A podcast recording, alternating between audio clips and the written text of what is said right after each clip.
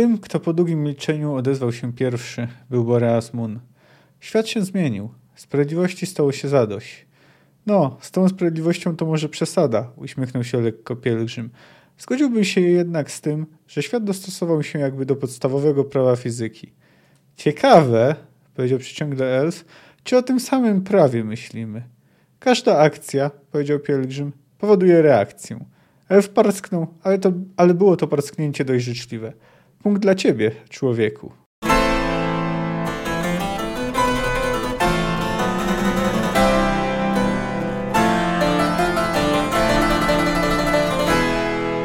Cześć, jestem Kamil K., a ty słuchasz mojego podcastu Fantastyka Krok po Kroku.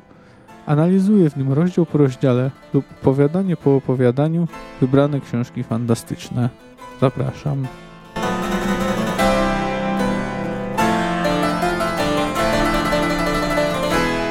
Witam Was. Nagrywam ten odcinek po raz drugi, bo gdy nagrywałem e, po raz pierwszy, e, to w pewnym momencie tak połowicznie odłączył mi się mikrofon. To znaczy, że teoretycznie nagranie szło, ale później brzmiało, jakbym mówił ze studni. Więc niestety muszę, musiałem to zrobić drugi raz. W związku z tym lekki poślizg, jaki bym miał z tym odcinkiem się przedłużył. Ale wciąż plan bazowy jest taki, aby zdążyć z kolejnym odcinkiem na sobotę. Zobaczymy, czy uda mi się ten plan e, zrealizować. E, pozostając jeszcze na chwilę mm, przy sprawach organizacyjnych, to e, ankietę, a teraz przysporzyła mi trochę problemów, ponieważ w tym momencie, jeśli sumuję głosy z Twittera i z YouTube'a, no to jest remis, to znaczy tyle samo głosów dostała gra o tron, jak niezwyciężony. No tutaj jeszcze muszę wspomnieć o komentarzu na YouTubie właśnie Adama, który zaproponował, abym e, wziął na tapet takie książki jak Malazańska Księga Poległych Stevena Ericksona, opowieści z mikańskiego pogranicza Roberta Wegnera i cykl Argot Algorytm wojny Michała Cholewy. To są ciekawe propozycje. No na przykład generalnie z Mikhanem mam dość dobre doświadczenia tym momencie skłaniam się do takiego rozwiązania, że ponieważ Niezwyciężony to jest krótka książka, to przerobienie jej nie zajmie mi wiele czasu, więc zacząłem od Niezwyciężonego, a potem ewentualnie zrobił ankietę, bo ze względu na to, że omawianie całej pieśni lodu i ognia e, Martina no zajmie mi no dobrych, przy obecnym tempie wypuszczenia odcinków, a ono może raczej się spowolnić, a nie przyspieszyć, e, no zajmie mi kilka lat. Nawet zakładając, że Martin nie wypuści kolejnej książki. Tak więc bym po prostu wziął propozycję e, Adama, za którą bardzo dziękuję i połączył z tym, e, z tymi, z właśnie Gromotron. Jeśli macie w tej kwestii inne zdanie, no to możecie je wyrazić albo pisząc do mnie maila, albo w komentarzu, czy też poprzez wiadomość na Twitterze, czy, czy też Xie, czy na e, Instagramie. No więc tylko to chciałem powiedzieć, bo no jeszcze z ostateczną decyzją mogę się trochę wstrzymać, ponieważ przecież cały czas mam przed sobą e, sezon Bush, no a teraz już przechodzę do, do streszczenia, no bo tutaj w dziesiąty rozdział no, zamyka kilka wątków, a także dowiadujemy się trochę, jak ukształtowany został nowy porządek świata. Poznajemy losy kilku mniej lub bardziej pobocznych, ale często istotnych postaci. Rasmus siedzi przy ognisku i piecze na nim mięso. Zauważa, że do biwaku podkrada się jakiś człowiek. Jest, potęż, jest to potężnie zbudowany mężczyzna, który jednak potrafi się skradać bardzo cicho. Twierdzi on, że jest pielgrzymem. Y, Moon zauważa jeszcze jednego. To był elf, y, którego twarz jest cała w bliznach. Y, który zresztą podążał śladem tego pierwszego. Bo raz zaprasza ich na posiłek z dużego szczura, którego elf określa mianem skrek. E, siadają koło ogniska i zaczynają rozmawiać o pokoju centryjskim. No i następnie właśnie cofamy się w czasie właśnie do tych rokowań e, pokojowych. E, przewodzi im hierarcha Nowigradu, a obecni są Foltys, król Temerii, któremu towarzyszy jego wasal, król Wenzlaw z Mewe, królowa Lyry i Rivi, Demavent, król Edirn, Henselt, król Kedwen, król Etain z Cidaris, król Kistrin z Verden i przedstawiciele Redanii. Książę Nistrit, który stoi na czele Rady Regencyjnej, no i Dijkstra. Natomiast delegacji nilfgaardzkiej przewodzi baron Shillard Fitz-Osterlen, e, który, jak może pamiętacie, swego czasu już prowadził takie rozmowy z Dijkstrą, gdy został ogłoszony e, persona non grata. E, w sali nad nimi zebrały się czarodziejki. To ciekawe, to jest ta sama komnata, w której Kalante odczarowała Dunego, a Geralt związał się, związał swój los z losem Ciri. Loża generalnie chce kontrolować przebieg rozmów. Bora z towarzyszami kontynuują rozmowę. Pilgrim stwierdza, że sam fakt rozpoczęcia negocjacji był dobry i ważny, chociaż przyznaje elfowi, że cóż, no jak to, że to trochę przypominało handel i że niektórzy y, musieli zostać sprzedani w związku z tym. Wracamy do dyskusji. Y, Henselt nie chce zwrócić y, górnego Edir. Nazywa je Dolną Marchią i twierdzi, że to są etniczne tereny Kedwen. W rozmowę wtrąca się Shillard, który deklaruje nie do końca na temat, że cesarstwo nie zgodzi się na zaszkodzenie elfom z Dolblatanna. Demawent prezentuje dość głodowe stanowisko. Mówi, że zgadza się na autonomię, ale Doliny Kwiatów, ale jako królestwa, nie księstwa. Chce także zrównania w prawach ludzi i elfów, zgody na powrót ludzkich osadników, a także oczekuje hołdu lennego. Natomiast y, wyraźnie deklaruje, że nie zgodzi się na dalsze uszczuplanie jego królestwa, więc Henselt ma zwrócić tereny, które zabrał. Sabrina Glewisik zapewnia pozostałe czarodziejki, że zmusi Henselta do wyrażenia zgody. Francesca Findberg jest zapytana o swoje stanowisko w kwestii tego, co postuluje Demavent. Zgadza się na noszenie tytułu księżnej, zgadza się na reemigrację ludzi, zgadza się na zrównanie w prawach ich i elfów. Nie zgadza się na hołd Chce, by Dolina Kwiata była allodium, czyli terytorium zwolnionym z obowiązków feudalnych. I jedyną obietnicą, jaką chce złożyć, to, że zgadza się na nieszkodzenie suwerenowi. Na uwagę Filip, że Demawent na to się nie zgodzi, ponieważ wtedy traci y, zyski, jakie przynosiła Dolina Kwiatów, to Franceska mówi, że jest gotowa do negocjacji w kwestii pieniężnej. Y, no i jeszcze na koniec mm, jest też gotowa Y, poświęcić elfy walczące w komandach wiewiórek dla dobra wspólnego. No i właśnie przenosimy się do grupy elfich oficerów, która jest aresztowana przez Nilfgaardczyków. Mają oni zostać wydani Nordlingom jako zbrodniarze wojenni. I Selgrim Faulitarna zrywa z rękawa błyskawice brygady Wrichet i ciska je na ziemię. Po krótkim przerwniku, w którym Elwi Pielgrzym wymieniają dalsze uwagi, Śledzimy rozmowę Shilarda, Fica-Esterlena i Berengara Loivardena. Ten ostatni informuje go, że mm, ma że przekazuje rozkazy cesarskie i właśnie ma się zgodzić na wypędzenie nilfgaardzkich osadników i ponownym, na ponowne przybycie ludzi z północy. Tłumaczy mu też, że to, czego cesarstwo nie, nie zdobyło militarnie, to zdobędzie ekonomicznie. E, no i królowie przechodzą do Cintry, czyli tematu potencjalnie bardzo drażliwego. Filipa proponuje, by zrobić z niego terytorium powiernicze, którym zarządzać będzie e, Foltest. Inne propozycje, jakie padają, no to na przykład jest podział e, Cintry na dwie części albo komisarycznie zarządzane kondominium. Ale Asir oznajmia, że rozmowa na ten temat jest bezprzedmiotowa, ponieważ los Cintry został zdecydowany. Zaraz dowiemy się dlaczego. Przenosimy się do Emyra, który rozmawia z Watierem Dirridea. E, tak na marginesie to Watier został porzucony przez Cantarellę. No jak widać już e, Sheila wreszcie po, pozwoliła wrócić jej do studiów. E, dowiadujemy się też, że to właśnie Leuwarden zdradził cesarzowi spiskowców. No, za to wynagrodzono go stanowiskiem, a cesarz także wyraził wdzięczność Glidii Kupieckiej w wymierny sposób. Rozmawiają też na temat podziękowań dla Dijkstry. Emir stwierdza, że on przecież niczego od niego nie przyjmie, ale Watir zwraca uwagę, że przyjmie informacje. Jeszcze na koniec Emir oznajmia, że nie okaże łaski Skelenowi. E, przychodzi Stella Congreve z fałszywą Ciri. Cesarz spaceruje z dziewczyną. Postanawia, że jej nie skrzywdzi i ostatecznie również na skutek wyrażonego przez nią życzenia decyduje się na ślub z nią. No może, później możemy poczytać refleksje różnych osób na temat tego małżeństwa. Oczywiście większość z nich nie zdaje sobie sprawy, że ma do czynienia z fałszywą Ciri. No na przykład Mewe mówi, że krążyły jakieś plotki, no ale o, tak czy owak to, to musi być Ciri, dlatego wymaga racja stanu. Dijkstra myśli, że to robota czarodziejek. Książę Kistin cieszy się, że kiedyś przed nim uciekła. Drakenborgu przeprowadzane są egzekucje, w Nowigradzie świętuje się zwycięstwo. Adam, Pan, Adie, Ad, Adam Adie Pangrad oświadcza się Julii Abate Marko. Królewicz Radowid patrzy z niechęcią na wszystko, co się dzieje, bo nikt nie wspomina jego samego ani jego rodziców.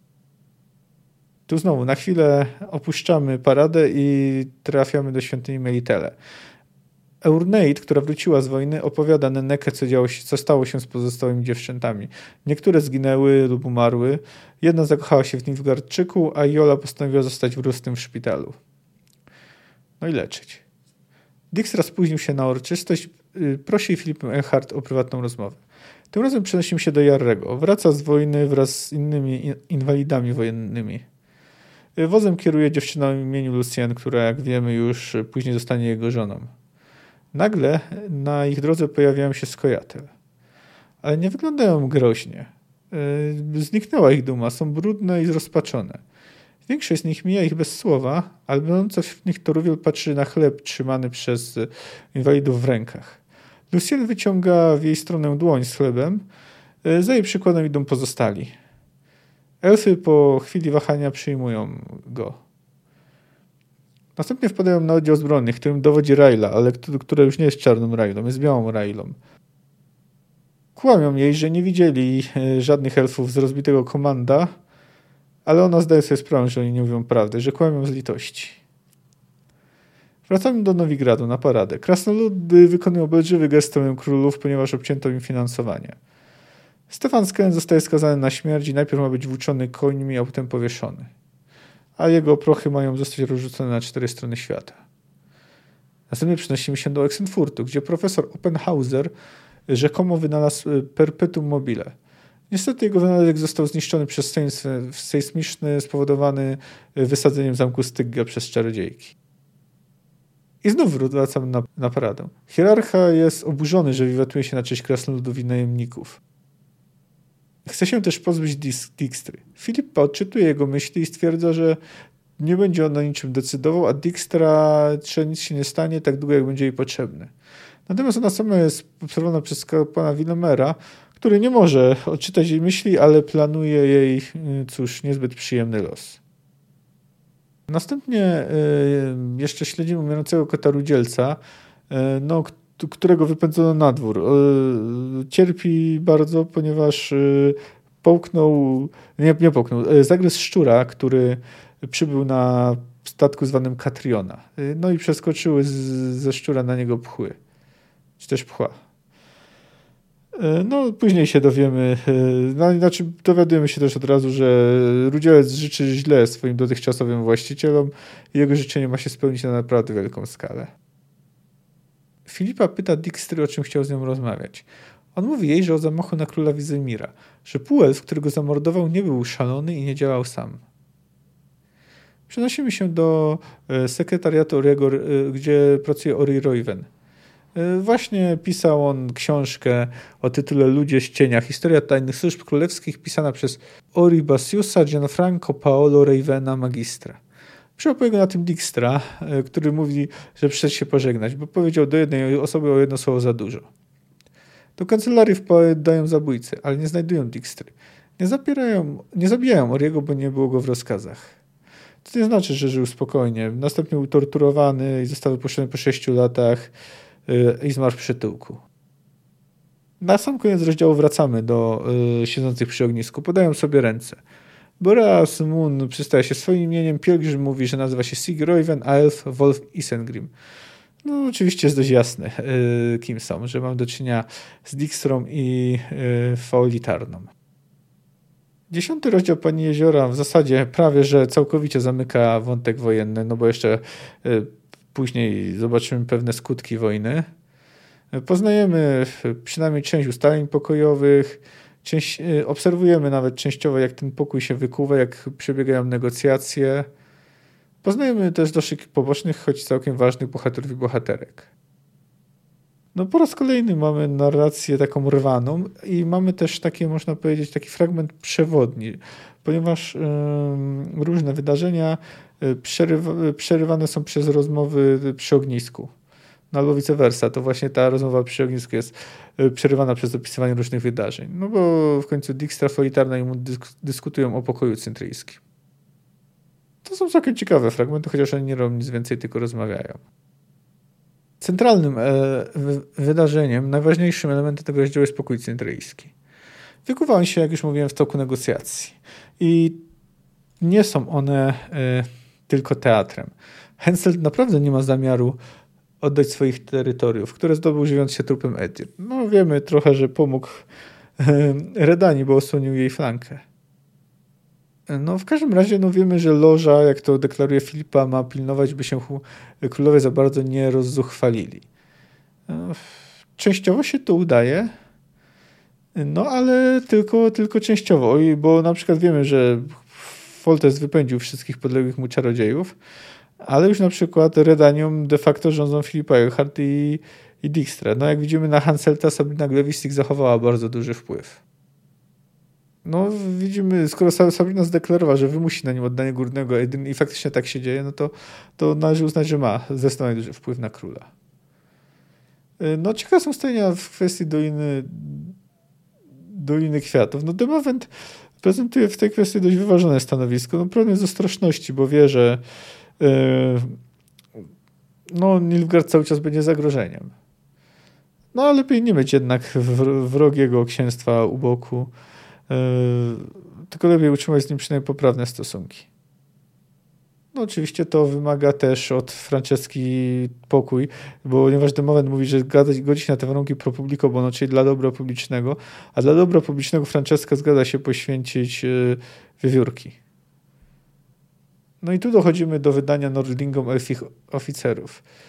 No można tutaj znaleźć pewną analogię do tego, jak alianci wydawali do Związku Radzieckiego żołnierzy z Armii Własowa. No to była y, to on był przywódcą formacji, ich, y, która nazywała się Rosyjska Wyzwoleńcza Armia Ludowa. Niekiedy tych żołnierzy nazywano właśnie od nazwiska dowódcy Andrija Własowa Własowcami. Tutaj, no, tutaj należy dodać, że oczywiście Własowcy generalnie walczyli po stronie niemieckiej, chociaż później pod koniec y, część z nich, y, znaczy no, większość z nich uciekała na stronę aliancką i na przykład Sergiej Muniaczenko troszeczkę pomógł Y, powstańcom praskim, którzy wezwali go na pomoc, chociaż później wycofali to, to wezwanie. No w każdym razie Buniaczenko też został wydany oczywiście powieszony, tak jak zresztą i Własow y, w Związku Radzieckim. No mamy tu też coś się skojarzenie, no bo w końcu te błyskawice brygady Wrychet trochę kojarzą się z symbolami SS. Ale tu też zaznaczyć, że wydaje się tylko oficerów, chociaż no nie tylko, bo jakby nie patrzeć, te elfy, które znajdowały się które w komandach walczących Y, na tyłach wojsk północy, no to też zostały de facto skazane na śmierć. Francesca już można powiedzieć po raz kolejny poświęca je, ponieważ wcześniej mm, na rozkaz Emyra musiały komando kontynuować walkę. Y, zraziła to Fila Wanderelowi, gdy ten postulował, by komanda wróciły do Doliny Kwiatów. Zresztą posłuchajcie to, jak ona to opisuje. A co za sprawą bojowych komand wiewiórek? Co z elfami, które walczyły po stronie cesarstwa? Jeśli się nie mylę, chodzi tu w większości o twoich poddanych, pani Francesco. Stokrotka z dolin przestała się uśmiechać. Spojrzała na idę Emean, ale milcząca elfka z grusinych unikała jej wzroku. Po pro publico bono zaczęła i urwała. A Sir też bardzo poważna kiwnęła głową na znak, że rozumie. Cóż zrobić, powiedziała wolno. Wszystko ma swoją cenę. Wojna wymaga ofiar. Pokój, jak się okazuje, również. No tutaj wspominałem, że ten sort po publico bo ono był kilkakrotnie użyty przez Demavenda. E, do tego tematu odnoszą się też e, Dijkstra i Sandgrim. To ze wszechmiar prawda. Powtórzył w zamyśleniu pielgrzym, patrząc na elfa siedzącego z opuszczoną głową. Rokowania pokojowe to targ, jarmark. Żeby jedni mogli być kupieni, inni muszą być sprzedani. Taką koleją toczy się świat. Rzecz w tym, by nie kupić za drogo, i nie sprzedać się za tanio, dokończył elf nie unosząc głowy. No i jeszcze jeden fragment. Wiatr dmuchnął w ognisko, miotnął gradem iskier, uderzył w oczy dymem. Z znowu rozległo się wycie. Kupczyli wszystkim, przerwał milczenie elf. Wszystko było na sprzedaż. Honor, wierność, słowo szlacheckie, przysięga, zwykła przyzwoitość. To były po prostu towary, mające wartość tak długo, jak długo był na nie popyt i koniunktura. A gdy nie było, nie warte były funta kłaków i szły w kąt. Na śmietnik. Na śmietnik historii skinął głową pielgrzym. Macie rację, panie Elfie. Tak to wyglądało tam, wtedy w Cinsze. Wszystko miało swoją cenę. I było warte tyle, ile można było dostać jako ekwiwalent. Co rano zaczynała się giełda. Jak na prawdziwej giełdzie co i rusz trafiały się niespodziewane hossy i bessy.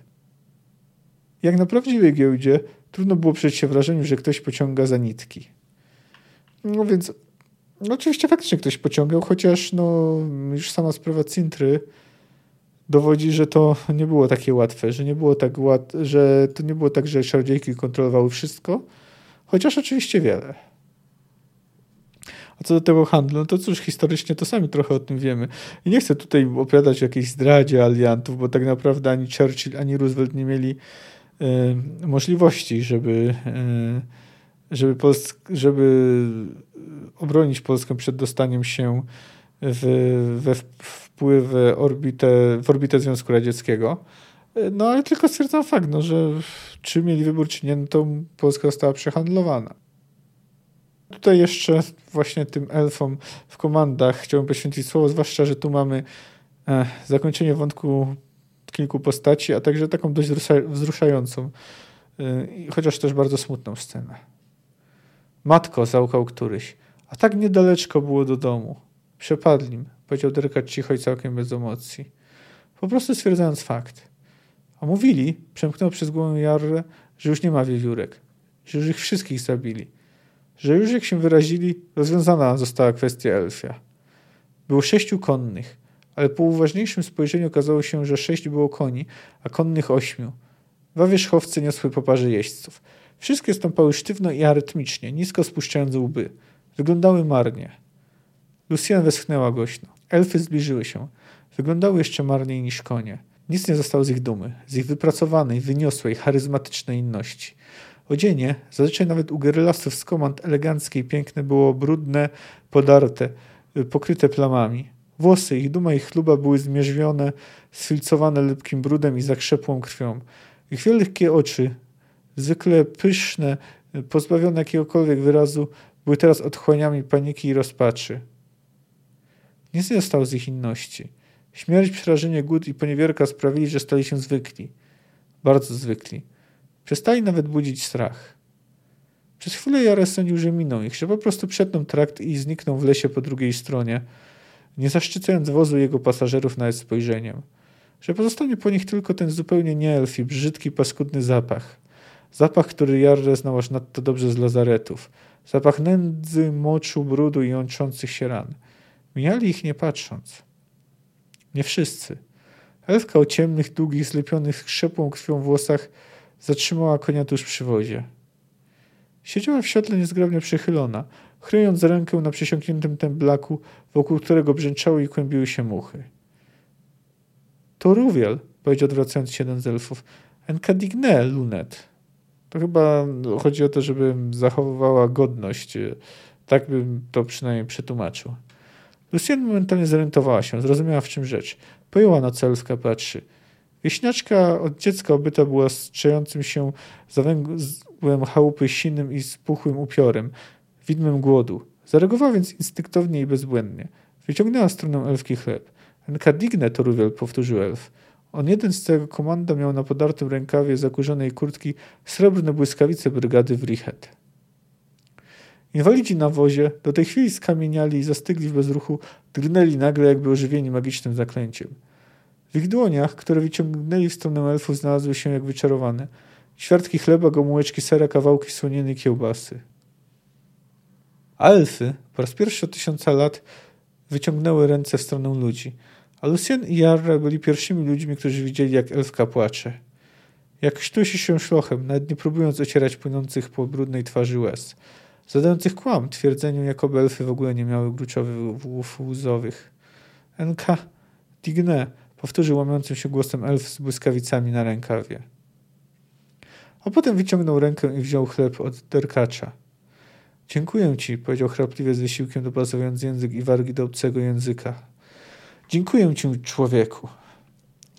No, w tym fragmencie, który właśnie zacytowałem, dzieje się kilka rzeczy. No oczywiście, tu mamy tam taką dobroć prostych ludzi, ponieważ no, prości ludzie różnie wypadają z Sapkowskiego. E, czasami są nawet brutalniejsi niż powiedzmy elity, a czasami e, wykazują się właśnie e, większym współczuciem, większą, większą empatią. No tu, tu jak widzimy, podzielili się tym, co mieli, a można domyślać się, że mieli na niewiele. No mamy tu też zamknięcie wątku Kutoruwiel. Ona występowała tylko kilka razy, tylko kilka razy przewijała się przez sagę. No, poznajemy ją e, w opowiadaniu Ukrainiec Świata, gdzie jest dumna, gdzie nienawidzi ludzi, gdzie bije związanego Geralta. Potem już ewidentnie ją to spotkanie zmieniło. Już, zresztą to było widać już wtedy, gdy Geralt miał być zabity, to nie ustawiła się do strzału, a później nie chciała zabijać Aplegata, ponieważ nie chciała po prostu mordować cywili na drogach. E, no a, a teraz można powiedzieć tyle, że jest przegrana, no, że wraz ze swoim rozbitym komandem uchodzi umierając z głodu. To jest właśnie tutaj charakterystyczne, że nawet elfy, które są tak inne, w obliczu głodu, śmierci stają się wręcz podobne do ludzi. Że właśnie to, ta głód, y, nędza, strach y, zacierają te granice, nazwijmy je międzygatunkowe. No, poznajemy tutaj też los innej postaci. Był już dobrze na odwieczerz, gdy gościniec zaroił się od zbrojnych jeźdźców. Dowodziła nimi kobieta o zupełnie białych, krótko ostrzyżonych włosach, o złej, zaciętej twarzy zeszpeconej szramami, z których jedna przekreślała policzek od skroni po kącich ust, a potem druga podkówką obejmowała oczodu. Kobieta nie miała też dużej części prawej małżowiny usznej, a jej lewa ręka poniżej łokcia kończyła się skórzaną tuleją i mosiężnym hakiem, o który zaczepione były wodze. Kobieta, mierząc ich złym okiem, pełnym zapieku i mściwości spojrzeniem, pytała o elfy o skojatel, o terrorystów, o zbiegów, niedobitków komanda rozniesionego dwa dni temu nazad. Jarre, Lucjan i inwalidzi, unikając wzroku białowłosej jednorękiej kobiety, mówili, mamrocząc niewyraźnie, że nie, nikogo nie spotkali, nikogo nie widzieli. Łżecie, myślała biała Raila, ta, która niegdyś była czarną Railą. Łżecie, wiem to. Łżecie z litości. Ale to i tak nie ma znaczenia, bo ja, biała Raila, litości nie znam. Cóż, no jak pamiętacie, ostatni raz y, Raile, która służyła w y, oddziałach specjalnych króla Demawenda, króla Edirn, y, spotkaliśmy ją, gdy razem z towarzyszami broniła uchodźców, broniła ludzi, którzy uciekali, a których zaganiali elfy i a po to, aby mogli iść w niewolę, pracować niewolniczo w cesarstwie. Jak pamiętacie, została sama, ale odmówiła rzucenia miecza. Jak widzimy, nie została zabita, ale była bardzo ciężko torturowana. No, nie mamy tutaj na szczęście opisu, co się z nią działo, ale no już po efektach wiemy. No i można się domyślić, że no, o ile nigdy nie była raczej zbyt delikatna, skoro służyła w wojskach specjalnych, to tutaj stała się już, można powiedzieć, bezwzględna. To jest już może interpretacja, ale można wywnioskować, że zemsta jest prawie że jedynym, co jej pozostało, że zemsta ją kieruje. I dlatego nie zna litości. No dość smutny los. Tak na marginesie to mi się nie podobało w Thronebreakerze, że tam Raila, jeszcze jako czarna Raila jest już fanatyczką, bo mi się wydaje, że jeśli już była taką skrajną, jeśli stała się taką skrajną fanatyczką, to dopiero po tym, co ją spotkało z Rongelfów. No tutaj też warto wspomnieć o generalnie ugodowej polityce Nilfgaardu. Oczywiście Nilfgaard przegrał wojnę, ale trzeba zwrócić uwagę, że nie został pobity. Że de facto został odepchnięty no tam, gdzie i tak był. Yy, to znaczy, no, bo Cinter, Cinter przecież utrzymał. Chociaż no, Królowie Północy zapewne liczyli, że przyjmą ją w negocjacjach. Tak zresztą było jeszcze podczas początku negocjacji, gdy Foltest mówił, że trzeba pilnować, że gdy odzyskamy Cintrę, aby, nie aby Cintryjczycy nie zepsuli wystroju. No ale to się szybko stało mm, bezprzedmiotowe. Ale jeszcze do tego przejdziemy, bo na razie e, jak chodzi o ogólne stanowisko cesarstwa, skąd się ono bierze? No więc yy, Leuwarden wyjaśnia yy, wyjaśnia Silardowi, dlaczego, dlaczego cesarstwo zabiera taką ugodową postawę. Trudności w porozumieniu, zaczął wysłannik kołysząc pucharem, wystąpiły dlatego, że pan, drogi baronie, raczy mniemać, że zwycięstwo i podbój polegają na bezsensownym ludobójstwie. Na tym, by gdzieś tam w skrawawioną ziemię wbić drzewce sztandaru krzycząc Dotąd moje! Zdobyłem! Podobne mniemanie jest niestety dość szeroko rozpowszechnione. Dla mnie jednak, panie baronie, jak również dla ludzi, którzy dali mi pełnomocnictwa, zwycięstwo i podbój polegają na rzeczach krańcowo odmiennych. Zwycięstwo ma wyglądać tak – Pokonani zmuszeni są do kupowania dóbr produkowanych przez zwycięzców, bo czynią to z chęcią, bo dobra zwycięzców są lepsze i tańsze. Waluta zwycięzców jest mocniejsza niż waluta pokonanych i pokonani mają do niej znacznie większe zaufanie niż do swojej własnej. Czy mnie pan rozumie, panie baronie Fitz-Esterlen? Czy zaczyna pan pomału odróżniać zwycięzców od zwyciężonych? Czy pojmuje pan, komu naprawdę biada? Ambasador skinieniem głowy potwierdził, że tak. Ale żeby zwycięstwo umocnić i uprawomocnić, podjął po chwili Leuwarden, przeciągając sylaby, musi zostać zawarty pokój. Szybko i za każdą cenę. Nie jakieś tam zawieszenie broni czy rozejm, ale pokój. Twórczy kompromis. Twórczy kompromis. Zgoda, która buduje i nie wprowadza blokad gospodarczych, retorsji celnych i protekcjonalizmu w handlu. Szilard i tym razem skinieniem głowy potwierdził, że wie w czym rzecz. Zniszczyliśmy ich rolnictwo i zrujnowaliśmy przemysł nie bez kozery, ciągnąc spokojnym, przeciągłym beznamiętnym głosem Leuwarden. Zrobiliśmy to po to, by z niedostatku własnych towarów musieli kupować nasze. Ale przez nieprzyjazne i zamknięte granice nasi kupcy i nasze towary nie przejdą. I co się wówczas stanie? Powiem panu, co się wówczas stanie, drogi baronie. Nastąpi kryzys nadprodukcji, bo nasze manufaktury pracują pełną parą, licząc na eksport. Duże straty poniosłyby też spółki handlu morskiego zawarte w kooperacji z Nowigradem yy, i Kowirem. Pana wpływowa rodzina, drogi baronie, ma w tych spółkach znaczne udziały. A rodzina, jak pewnie panu wiadomo, to podstawowa komórka społeczna. Wiadomo panu? No tutaj na chwilę można przerwać, no bo o tym, wywoży, o tym, że wywożono to, co się dano wywieźć, a resztę niszczono, no to już, już wiemy y, wcześniej. Bo to mówimy na przykład Peter Evertsen, czyli wielki, chcieliśmy Wielkiego Komorzego Cesarstwa, no i tutaj, jak widzimy, oczywiście cesarstwo nie zakładało porażki w tej wojnie, bo raczej Menno Koehorn yy, nie zakładał, że przegra bitwę pod Brenną. Natomiast nawet przy klęsce militarnej, klęsce, no przy porażce militarnej, bo może to nie była klęska, która zachwiała cesarstwem w posadach, no natomiast jednak był to zapewne, ta porażka była dotkliwym ciosem. Nieudana inwazja, nieudana jakby nie była inwazja. No to i tak ma szansę zdominować Królestwa Północy ekonomicznie. A co do tej uwagi o rodzinie jako podstawie komórce społecznej, to, to przecież uczymy się na tym to nawet w szkole, a mówili taki komuniści i jest to często element e, nauki katolickiej, która tak prawda podkreśla e, ważność i znaczenie rodziny.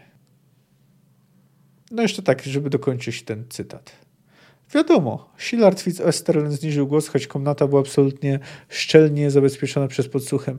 Rozumiem, pojąłem. Chciałbym mieć jednak pewność, że wykonuję rozkaz cesarza, nie zaś jakiejś korporacji. Cesarze przemijają, wycedził Leuwarden, a korporacje trwają i przetrwają, ale to truizm.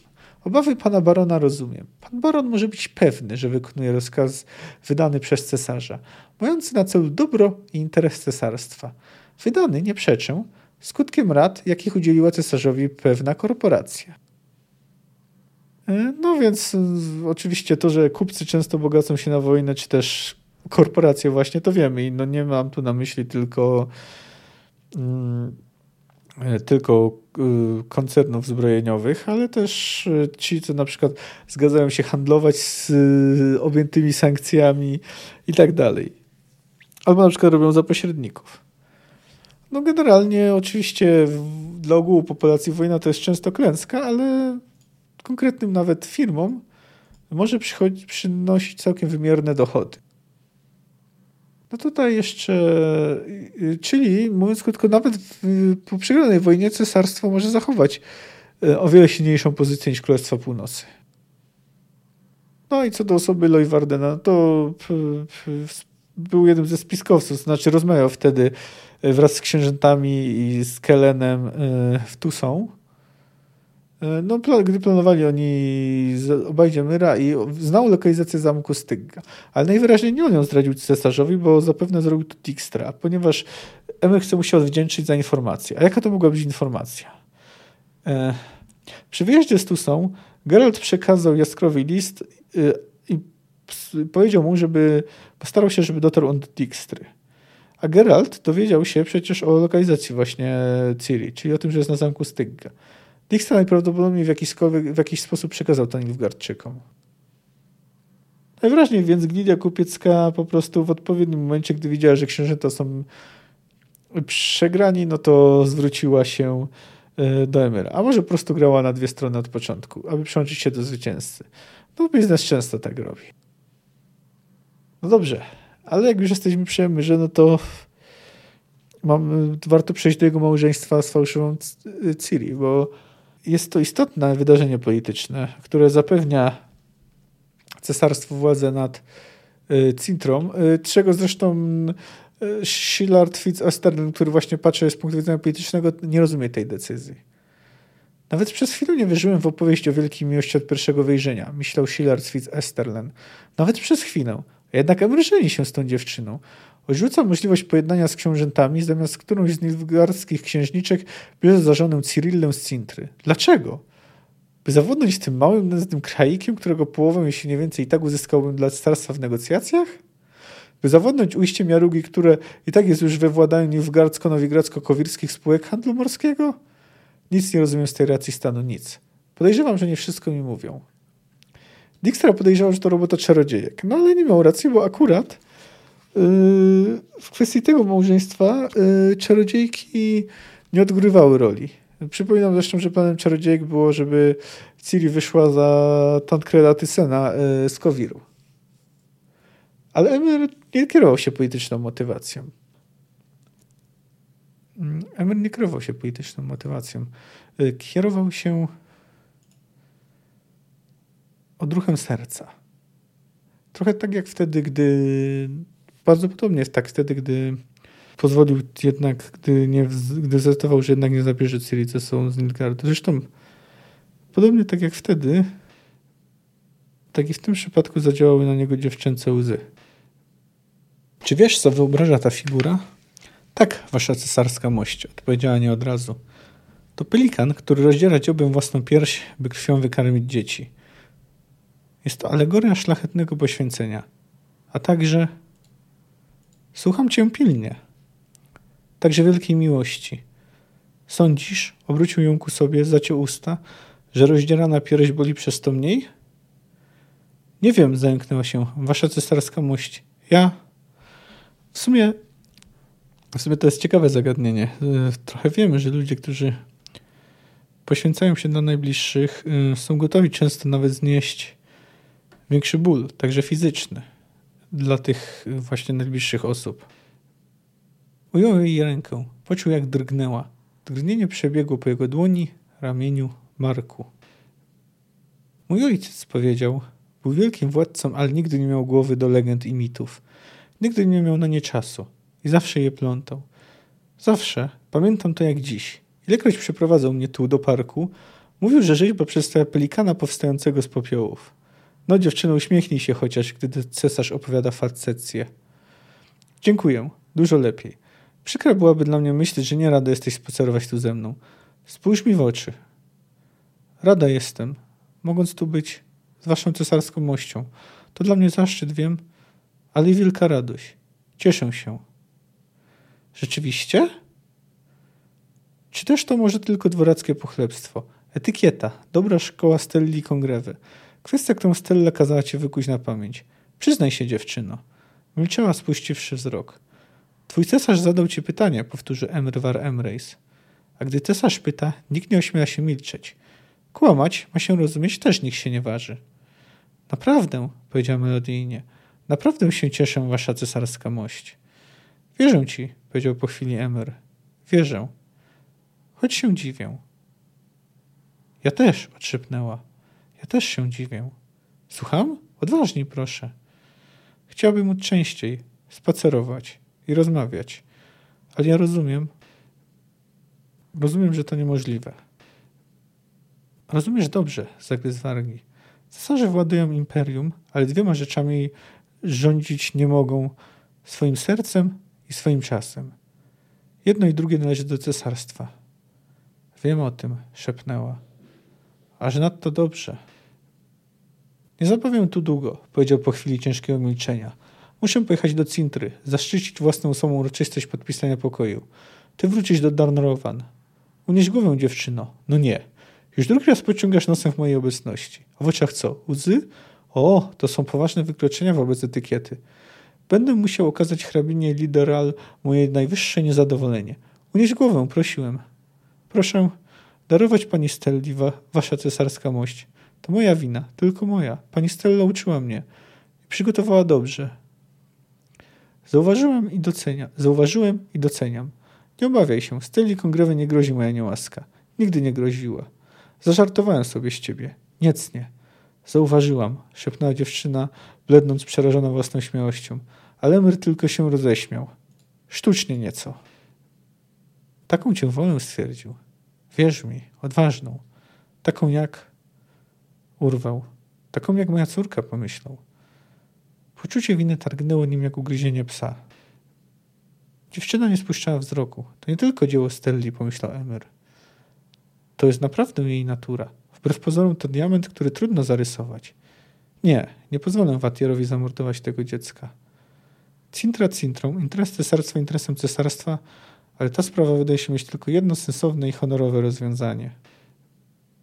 No więc tutaj już prawdopodobnie Emir doszedł do wniosku, że to jest tylko jedyne wyjście, że się z nią e, ożeni. No, było, nie było to on. To jest ciekawe zresztą, jak bo Lozik związał jakby jeszcze bardziej, bo trzeba pamiętać, że ta dziewczyna była szlachcianką z Cintry, czyli takie poprzednie życie zniszczył Emer. Później też w sumie został zniszczony trochę przez Emera, chociaż chyba nie było zbyt szczęśliwe, gdy, e, no, gdy tam była na uchodźstwie i gdy najpierw chciał ją porwać Kodringer, ostatecznie porwał Shiru. Daj mi rękę. To był rozkaz wygłoszony strogim głosem i tonem, ale mimo tego nie mógł oprzeć się wrażeniu, że został wykonany chętnie, bez przymusu. Jej ręka była mała i chłodna, ale nie drżała już. Jak masz na imię? Tylko nie mów proszę, że Cyril Lafiona. Cyril Lafiona. Mam ci ukarać, dziewczyno. Surowo. Wiem, wasza cesarska mość. Zasłużyłam, ale ja... Ja muszę być Cyrillą Fioną. Pomyśleć by można, powiedział nie puszczając jej dłoni, że żałuję, że nią nie jesteś. Żałuję, szepnęła. Żałuję, że nią nie jestem. Doprawdy? Gdybym była prawdziwą Cyrillą, cesarz patrzyłby na mnie łaskawiej, ale jestem tylko falsyfikatem, imitacją, sobowtórem, który niczego nie jest godzien. Niczego. Odwrócił się gwałtownie, chwycił ją za ramiona i natychmiast puścił. Cofnął się o krok. Pragniesz, pragnienie korony? Władzy? Mówił cicho, ale szybko, udając, że nie widzi, jak zaprzecza gwałtownymi ruchami głowy.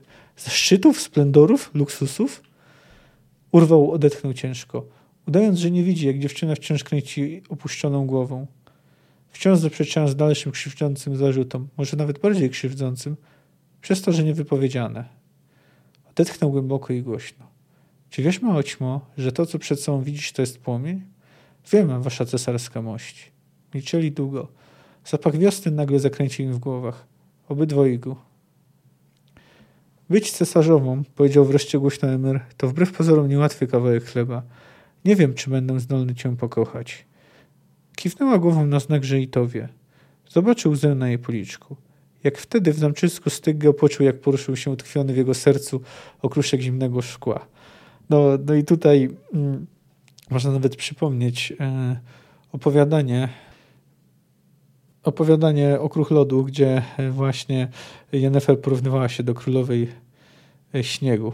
No, czy też, no, oczywiście to było oczywiście nawiązanie do znanej nam e, baśni o królowej lodu.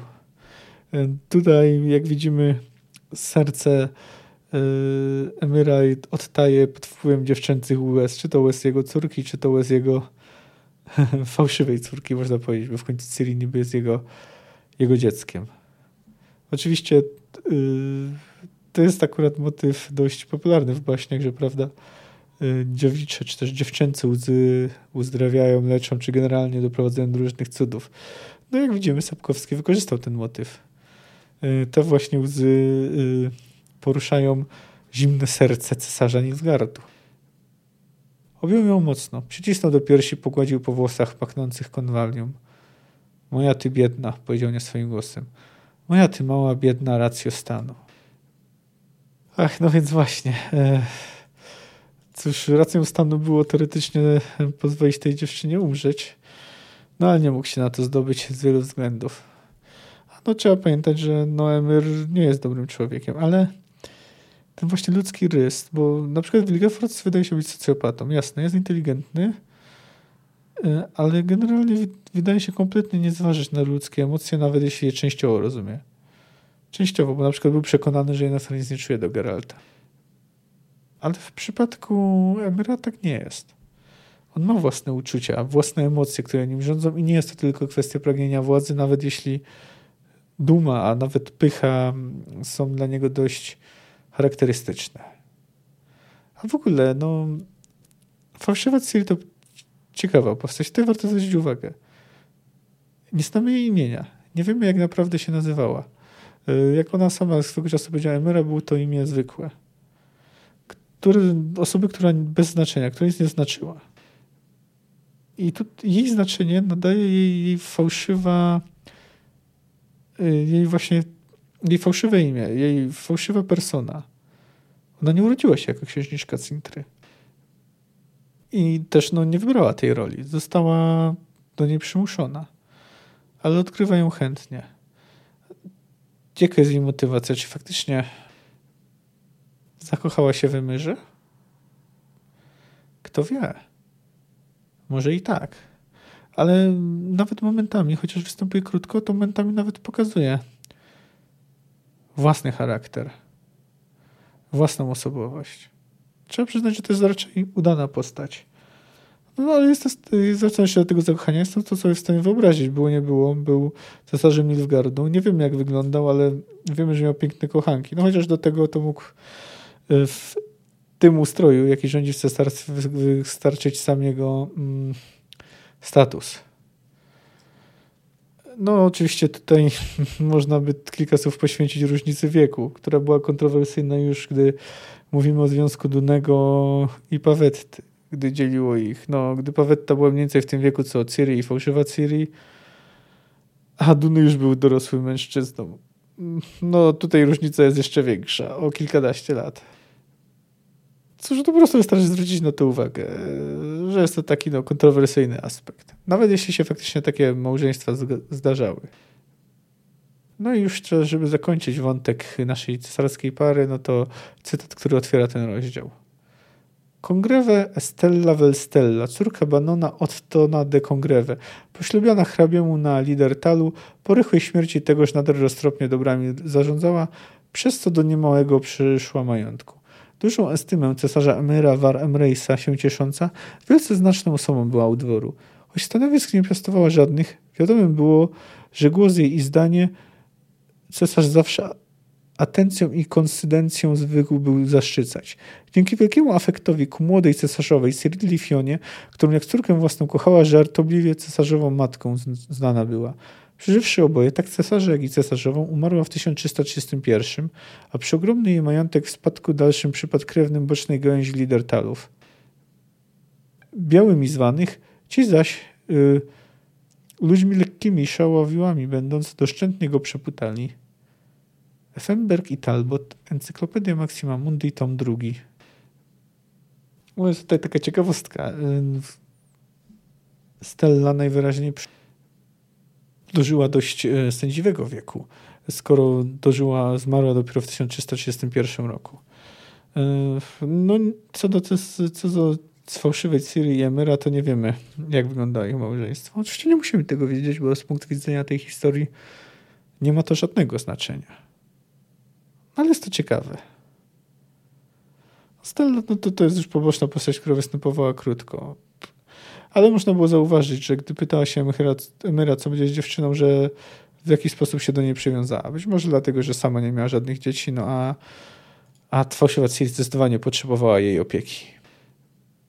Tak z takich istotnych e, wątków, no to dowiadujemy się z dużym prawdopodobieństwem, ktoś dał za śmiercią króla Wizimira. Dijkstra w rozmowie mówi Filipie. Filipa Enchardt rozejrzała się, czy nikt nie nadstawia uszu. Pochyliła się w stronę Dijkstry. O czym chcesz ze mną rozmawiać? Szpieg też się rozejrzał. O zamachu na króla Wizymira dokonanym w lipcu ubiegłego roku. Słucham? Półelf, który dokonał tego morderstwa, Dijkstra jeszcze bardziej zniżył głos, bynajmniej nie był szaleńcem, Phil. I nie działał sam. Co ty mówisz? Ciszej, uśmiechnął się Dijkstra. Ciszej, Phil. Nie nazywaj mnie Phil. Masz dowody? Jakie? Skąd? Zdziwiłabyś się, Phil, gdybym ci powiedział skąd. Kiedy mogę, się spodziewać, kiedy mogę spodziewać się audiencji, jaśnie wielmożna pani? Oczy Filipa Elhard były jak dwa czarne, bezdenne jeziora. Wkrótce Dijkstra. Dzwony biły, tłum wiwotowało chryple, wojsko defilowało. Płatki kwiatów niby śnieg pokrywały nowigradzki bruk. Dijkstra później mówi Oriemu, że powiedział tylko jedno słowo za dużo, tylko jednej osobie tylko jedno słowo. Oczywiście no, ma tu na myśli to, co powiedział Filip. Przynajmniej no, można tak wywnioskować, może nie jest to powiedziane jednoznacznie. Ale to jest ciekawe, czy Filipa bezpośrednio brała udział w tym zamachu. I teraz pytanie, co wiedział Dijkstra? Czy wiedział, że Filipa była w to zamieszana i to ta rozmowa miała być jakąś jego polisą ubezpieczeniową, ostrzeżonym jej daniem, a może groźbą, wyzwaniem? Czy też może tylko dotarł do kręgu osób podejrzanych i wtedy dotarłby do niej po nitce do kłębka? No tego nie wiemy. W każdym razie Filipa uznała, że stał się obciążeniem, zagrożeniem i postanowiła się dość bezwzględnie go pozbyć, bo nie mam wątpliwości, moim zdaniem nie mam pewne, że to Filipa przysłał na niego morderców. Szpieg tak człowiek popełnił błąd. Dlaczego? Czyżby nie wiedział, że Filipa jest w to zamieszana? Czyżby w to nie wierzył i liczył, że czarodziejka mu się w jakiś sposób wytłumaczy? Czy może jeszcze nie wiedział o jej zamieszaniu? No, nie wiemy. W każdym razie najwyraźniej yy, Prawdopodobnie przeliczył się, y, uznał, uznał, że na 100% będzie potrzebny, a okazało się, że niekoniecznie. Nie według Filippe. Zjawili się z cienia, z ciemności, czarni, zamaskowani, zwinni jak szczury. Strażnicy i ochroniarze z anteszambrów padli bez jęków, pod szybkimi ciosami sztyletów o wąskich, greniastych klingach. Krew ciekła po podłogach tertogorskiego zamku, rozlewała się po posadzkach, plamiła parkiety, wsiąkała w drogie węgeberskie dywany. Nadchodzili wszystkimi korytarzami, a za nimi zostawały trupy. Jest tam, powiedział jeden wskazując. Gusty czarny szal spowijający twarz aż po oczy. Tam wszedł, przez kancelarię, w której urzęduje Raven, ten kaszlący dziad. Stamtąd nie ma wyjścia. Oczy drugiego, będącego dowództwą, dowódcą, płonęły w otworach czarnej, ekstremitnej maski. Komnata za kancelarią jest ślepa. Nie ma nawet okien. Wszystkie inne korytarze obstawione. Wszystkie drzwi i wszystkie okna. Nie może ujść. Jest matni. Naprzód! Drzwi ustąpiły pod kopnięciami, błysnęły sztylety. Śmierć! Śmierć krwawemu katu! Keke? Oj, Royven podniósł z nad papierów krótkowzroczne, zauzawione oczy. Słucham? Czym mogę keke panom służyć? Mordercy z rozpędu rozwalili drzwi do prywatnych komnat Dijkstry, obiegli je niczym szczury, penetrując wszystkie zakamarki. Poleciały na podłogę zrywane arrasy, obrazy i panele. Ślety pruły, zasłony i tapiserie. Nie ma go! wrzasnął jeden wpadając do kancelarii. Nie ma go! Gdzie? Harknął Hersz, schylając się nad Orim, wiercąc go spojrzeniem z otworów czarnej maski. Gdzie jest ten krwawy pies? Nie ma go, odrzekł spokojnie Ori Royven. Przecież sami widzicie. Gdzie on jest? Mów! Gdzie Dijkstra? Azali? Kaszlnął Ori. Jestem hehe, stróżem brata mego? Zginiesz, starcze. Jestem stary, chory i bardzo zmęczony. Keke. Nie boję się ani was, ani waszych noży. Mordercy wybiegli z komnaty. Znikli równie szybko, jak się pojawili. Nie zabili Oriego Roywena. Byli mordercami na rozkaz. A w ich rozkazach nie było o Orym Roywenie najmniejszej wzmianki. Orybasius Gianfranco Paolo Royven, magister praw, spędził sześć lat w różnych więzieniach, bezustannie przesłuchiwany przy zmieniających się śledczych, pytany o przeróżne, często pozornie nie mające sensu rzeczy i sprawy. Po sześciu latach zwolniono go. Był wówczas bardzo chory. Szkorbut odebrał mu wszystkie zęby, anemia włosy, jaskra wzrok, astma oddech. Palce obu rąk połamano mu na przesłuchaniach. Na wolności żył niecały rok. Umarł w świątynnym przytułku, w nędzy, zapomniany. Rękopis księgi, Ludzie z cienia, czyli historia tajnych służb królewskich, zginął bez śladu. No cóż, jak widzimy, Dijkstra marny zgotował Oriemu los, no nawet jeśli tego nie chciał. A tutaj warto jeszcze przypomnieć o tym, yy, jak yy, o rozmowie Esterada z Dijkstrą. Pamiętacie, jak Esterad dostrzegał go, że no, powstanie krwawa legenda i zostanie przeciwko niemu wykorzystana. I tak faktycznie się stało, ale także Szpyk zapewnił go, że go nie dostaną. Faktycznie nie dostali go. W jakiś sposób im uciekł. No, tutaj jeszcze a propos Estarada, no to może jak pamiętacie, podczas defilady zauważył, że wygląda, że Ciri, że księżniczka, że fałszywa Ciri wygląda inaczej niż Ciri, którą widział w snach. I pomyślał, że razem, że zachowa tą wiedzę dla siebie i dla Zulejki, że by ją wykorzystać w swoim czasie. No, pamiętamy, że e, później został zamordowany. Być może przez loże. Aczkolwiek nie mamy pewności. No tak z takich jeszcze takich fragmentów dość interesujących, y, znamiennych i które uważam za ważne i warte przytoczenia. No to mamy na przykład powracającą z wojny Eurunate, y, która powraca do świątyni Melitele.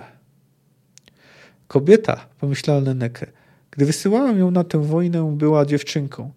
Wróciła kobietą, jest pewna siebie, świadoma siebie, spokojna, opanowana, kobieca. Wygrała tę wojnę, nie pozwalając, by wojna ją zniszczyła. Debora kontynuowała wyliczenie cichym, ale pewnym głosem Eurneid. Umarła na tyfus w obozie pod Majeną. Pruna utonęła w Jarudze, gdy wywróciła się łódź z rannymi. Myrę zabiły elfy, wiewiórki podczas napadu na lazaret pod Armerią. Katie? Mów dziecko, ponagliło łagodnie Nenekę. Katie, odchrząknęła Eurneid, poznała w szpitalu rannego Nilfgardczyka. Po zawarciu pokoju, gdy wymieniano jeńców, poszła razem z nim do Nilfgardu. Zawsze twierdziłam, westchnęła kapłanka, że miłość nie zna granic ni kordonów. A co z Jolą drugą? Żyje, pośpieszyła zapewnię Eurneid. Jest w Mariborze. Dlaczego nie wraca? Adeptka pochyliła głowę. Ona nie wróci do świątyni, matko, powiedziała cicho. Jest w szpitalu pana Milo van der Becka, tego chirurga, niziołka. Powiedziała, że chce leczyć, że tylko temu się poświęci. Wypacz jej, matko, Nenekę. Wypaczyć? Pasknęła kapłanko. Ja jestem z niej dumna. No rzeczywiście, Neneke ma powody do dumy, bo jej wychowanka y, zdecydowała się pozbyć, y, y, poświęcić swoje życie pomaganiu innym. Oczywiście to szlachetny cel i pasujący wychowance świątyni.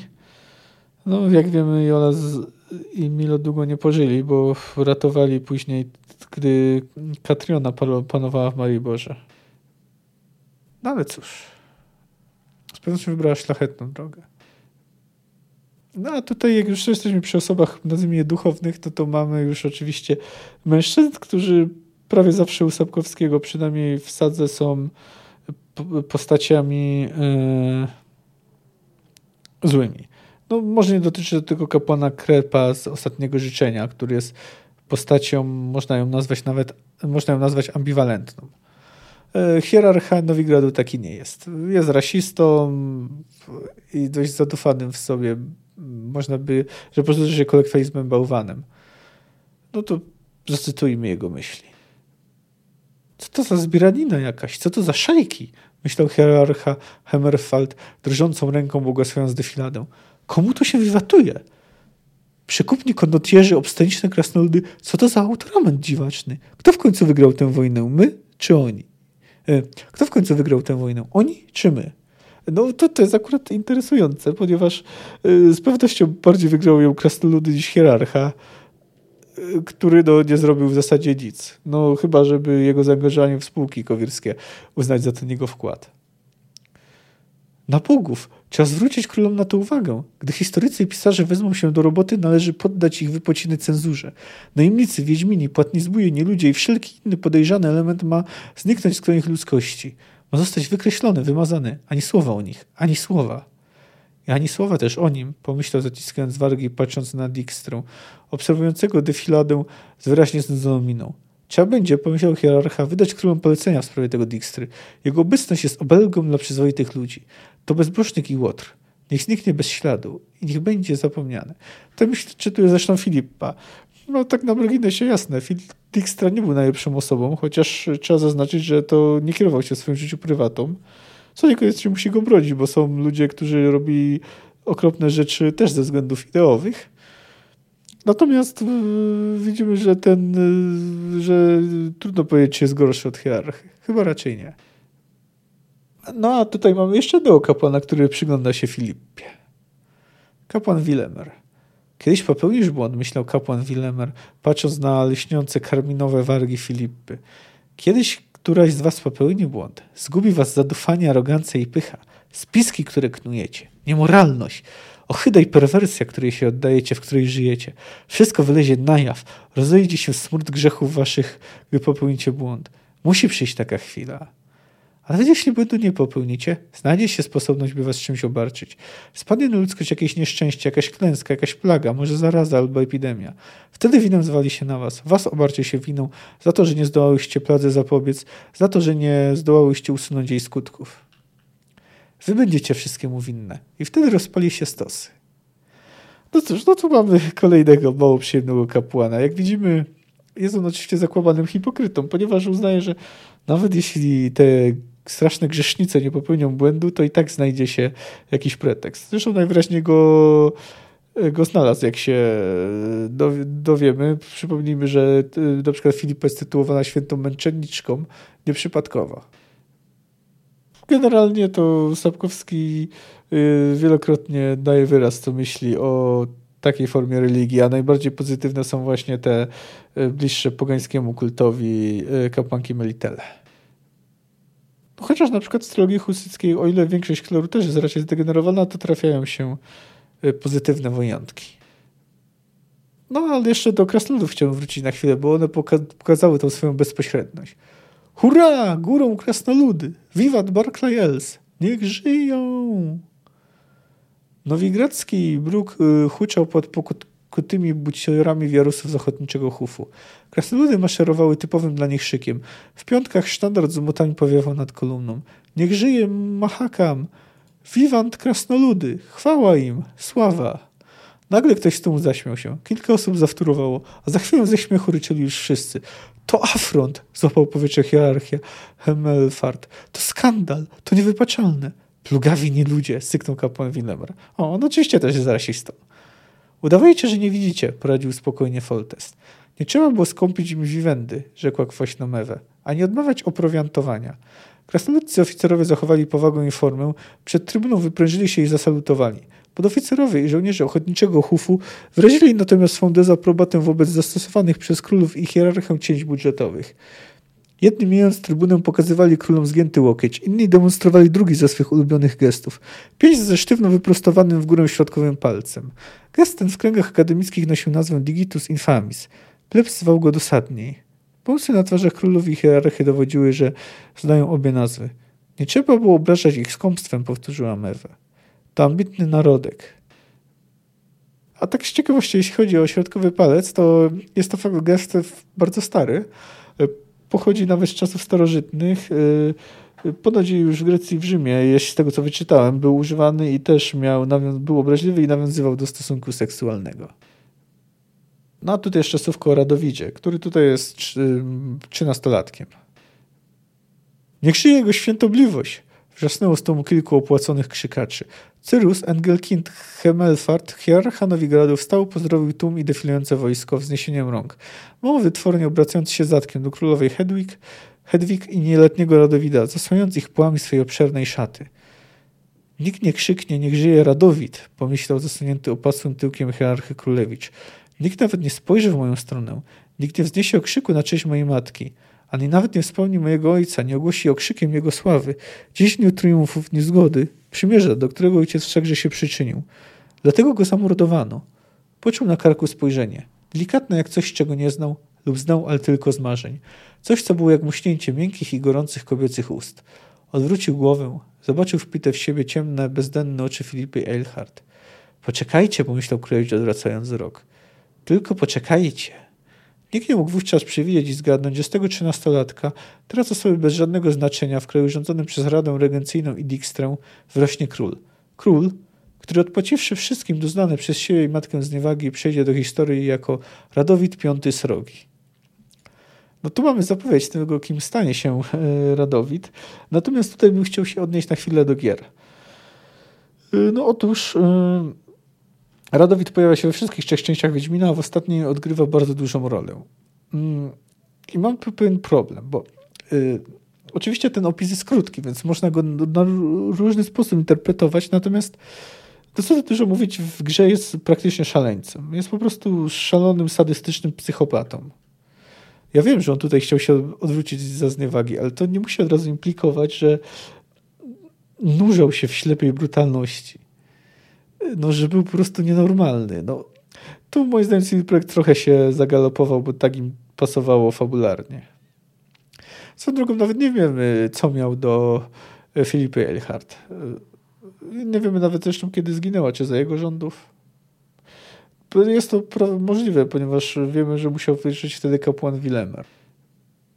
No zresztą CD Projekt przesadził też trochę w innych kwestiach, bo na przykład y, tu chodzi mi, że w pewnym jednym z takoń, y, z zakończeń wątków Dijkstra mógł może mm, ruszyć w samobójczym ataku na Geralta, co jest no, zupełnie y, jakby niezgodne z moim wyobrażeniem tej postaci, z tym jak została zaprezentowana y, w sadze.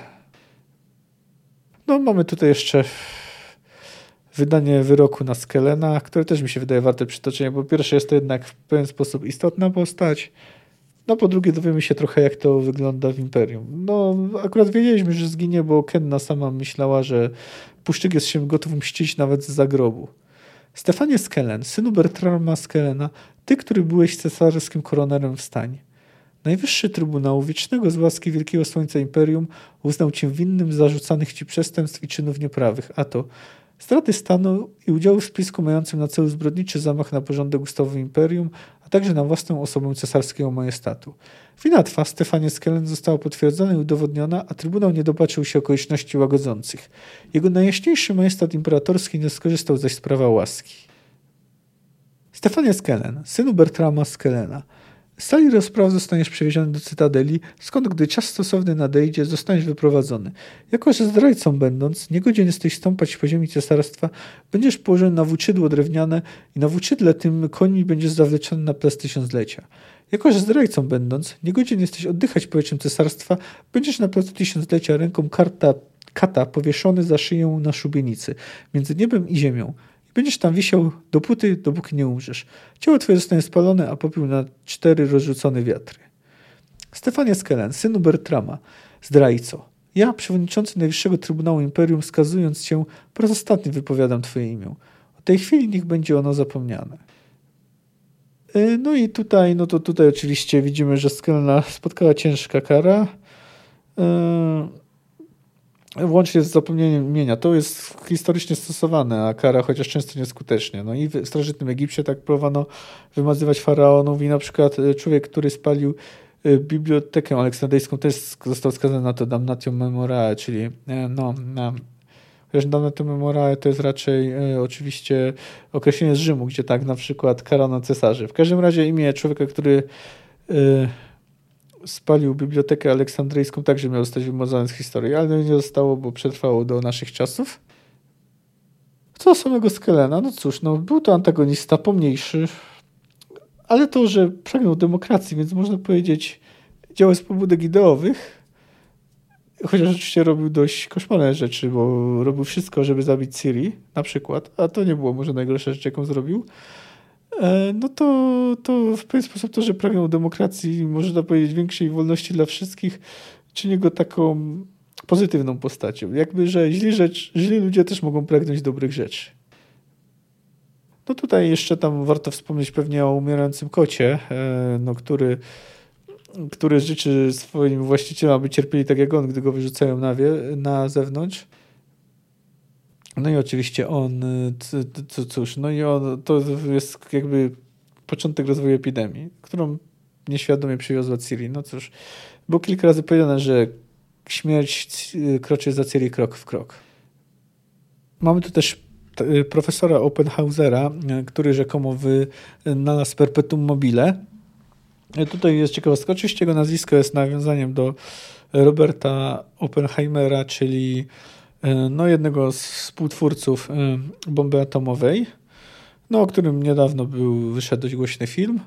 No także, a, używam także słów, a jednak się kręci. To są podobno słowa, które Galileusz wyszeptał, gdy stał przed e, sądem inkwizytorskim, no, ponieważ wtedy e, uważano to za herezję. No, Galileusz na przykład inaczej niż inaczej niż Giordano Bruno e, wycofał się ze swoich e, tez.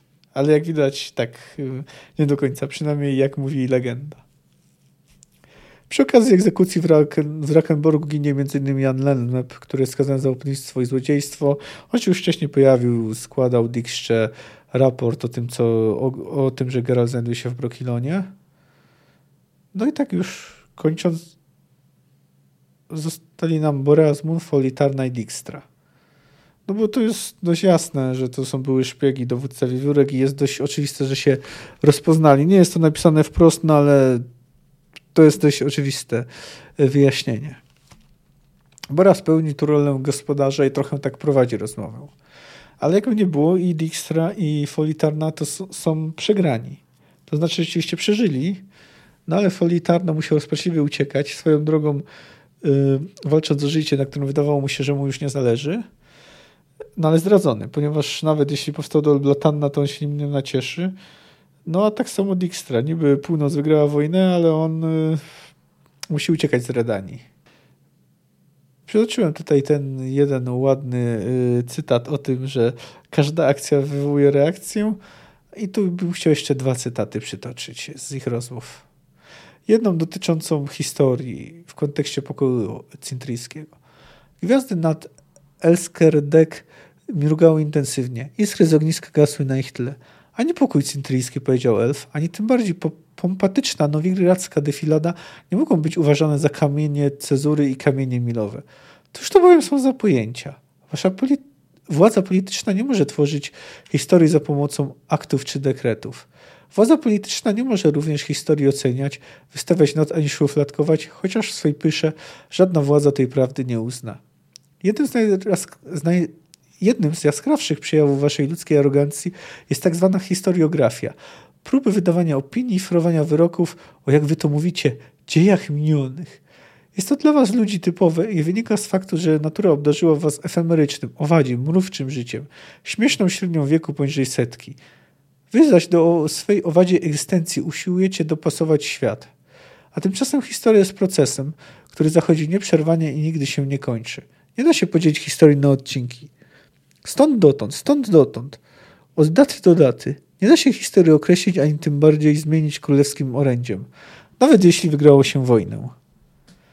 E, no tutaj, oczywiście no tutaj mamy e, poglądy folitarne po części wynikają z tego, że jest elfem długowiecznym, ale to jest ogólnie ciekawe. No to trzeba oczywiście pamiętać, że e, no, Sapkowskiemu zresztą zdarzyło się kilk, jeszcze później w sezonie Bush w, w, włożyć w usta jednej postaci jeszcze ostrzejszą opinię na temat historyków, ale tak na marginesie, no to oczywiście, to jest dość oczywiste, że podział, yy, że podział, jakby periodyzacja dziejów jest yy, umowna. No bo to nie jest tak, że w 476 roku ludzie sobie uświadomili, że skończyła się starożytność i i zaczęła nowa era. To, to nie było tak proste, bo wiele organizmów państwowych nadal funkcjonowało, nawet pomimo tego, że cesarstwo rzymskie, to znaczy zachodnie cesarstwo rzymskie już upadło. W końcu cały czas był cesarz yy, cesarz wschodni, więc to, to nie było takie, takie oczywiste i proste, że się zmienia. To zresztą można nawet pociągnąć dalej. Przecież y, podczas II wojny światowej ludzie yy, na początku, na przykład we wrześniu 1939 roku, człowiek, dajmy na to, mieszkający w Belgii, niekoniecznie zdawał sobie sprawę, że właśnie zaczął się konflikt, który pochłonie miliony istnień. No generalnie ta polaryzacja dziejów to jest śliska sprawa.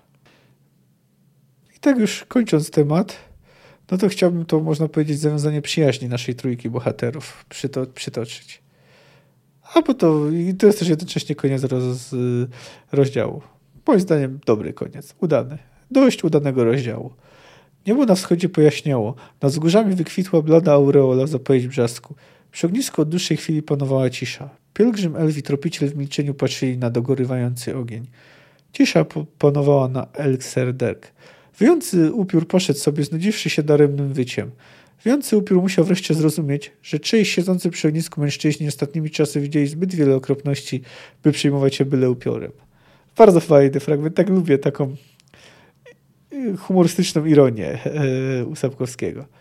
Jeśli mamy razem wędrować, powiedział nagle Borazmun, patrząc w rubinowy żar ogniska, to pożyczmy nieufność. Zostawmy za nami to, co było. Świat się odmienił. Przed nami nowe życie. Coś się skończyło, coś się zaczyna. Przed nami urwał, kaszlnął. Nie był zwyczajny takich mów, bał się śmieszności. Ale jego towarzysze z przypadku nie śmiali się. Ba. Boreas wyczuł wręcz emanującą od nich życzliwość. Przed nami przełęcz Elkserdek.